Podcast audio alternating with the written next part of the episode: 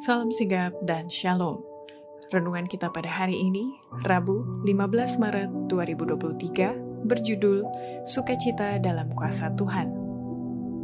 Ayat intinya terdapat di dalam Ayub 39 ayat 19 dan 21. Engkaukah yang memberi tenaga kepada kuda? Engkaukah yang mengenakan surai pada tengkuknya? Ia menggaruk tanah lembah dengan gembira, dengan kekuatan ia maju menghadapi senjata. Pena Inspirasi menuliskan yang dimaksud dengan judul renungan kita pagi ini, Sukacita dalam Kuasa Tuhan, adalah sebuah panggilan kehidupan yang praktis agar kita bisa senantiasa memiliki sukacita bagi dunia sebagai faktor yang menunjang kebahagiaan sejati dan sarana untuk memulihkan hubungan kita secara vertikal kepada Tuhan dan horizontal dengan sesama sebagai berikut. Pertama, Adanya sukacita dalam kuasa Tuhan bila mana sekiranya gereja Kristus sudah melaksanakan pekerjaan yang ditentukan atas penetapan Tuhan. Sekiranya gereja Kristus sudah melaksanakan pekerjaan yang ditentukan atas penetapan Tuhan, maka sebelum ini seluruh dunia pasti telah diamarkan, dan Tuhan Yesus tentu sudah datang ke bumi kita dalam kuasa dan kemuliaan yang besar. Kedua, adanya sukacita dalam kuasa Tuhan bila mana berusaha hidup suci dan teguh mentaati yang benar karena kasih karunia tidak bisa dikembangkan dalam sekejap. Kasih karunia berharga roh kudus tidak dikembangkan dalam sekejap.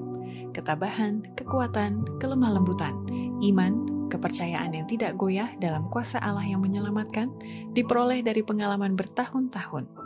Oleh berusaha hidup suci dan teguh mentaati yang benar, anak-anak Allah memeteraikan nasib mereka. Ketiga, adanya sukacita dalam kuasa Tuhan bila mana kita percaya akan menerima berkat-berkat yang dipanjatkan dalam doa kita itu. Bila mana kita memohon berkat-berkatnya, kita harus percaya bahwa kita akan menerimanya dan berterima kasih kepadanya bahwa kita sudah menerimanya. Kemudian kita melakukan tugas-tugas kita, merasa pasti bahwa berkat akan dikirimkan bila mana kita sangat membutuhkannya.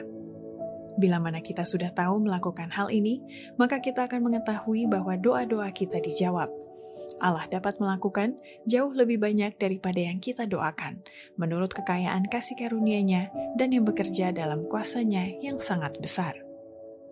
Keempat, adanya sukacita dalam kuasa Tuhan bila mana kita berada dalam kasih Kristus yang adalah energi yang menghidupkan dan menyembuhkan. Kasih yang disebarkan Kristus kepada seluruh makhluk adalah kuasa yang menghidupkan. Setiap bagian vital otak, jantung, saraf-saraf dijamahnya dengan kesembuhan. Oleh kasih energi tertinggi, makhluk itu dibangkitkan kepada kegiatan. Kasih itu membebaskan jiwa dari rasa bersalah dan duka cita, kecemasan dan keluh kesah yang menindas daya hidup. Dengan kasih datang kedamaian dan ketenangan kasih menanamkan dalam jiwa sukacita yang tidak dapat dihancurkan oleh perkara-perkara duniawi, sukacita dalam Roh Kudus, sukacita yang memberikan kesehatan dan kehidupan. Demikianlah renungan kita pada hari ini. Kiranya Tuhan memberkati kita semua.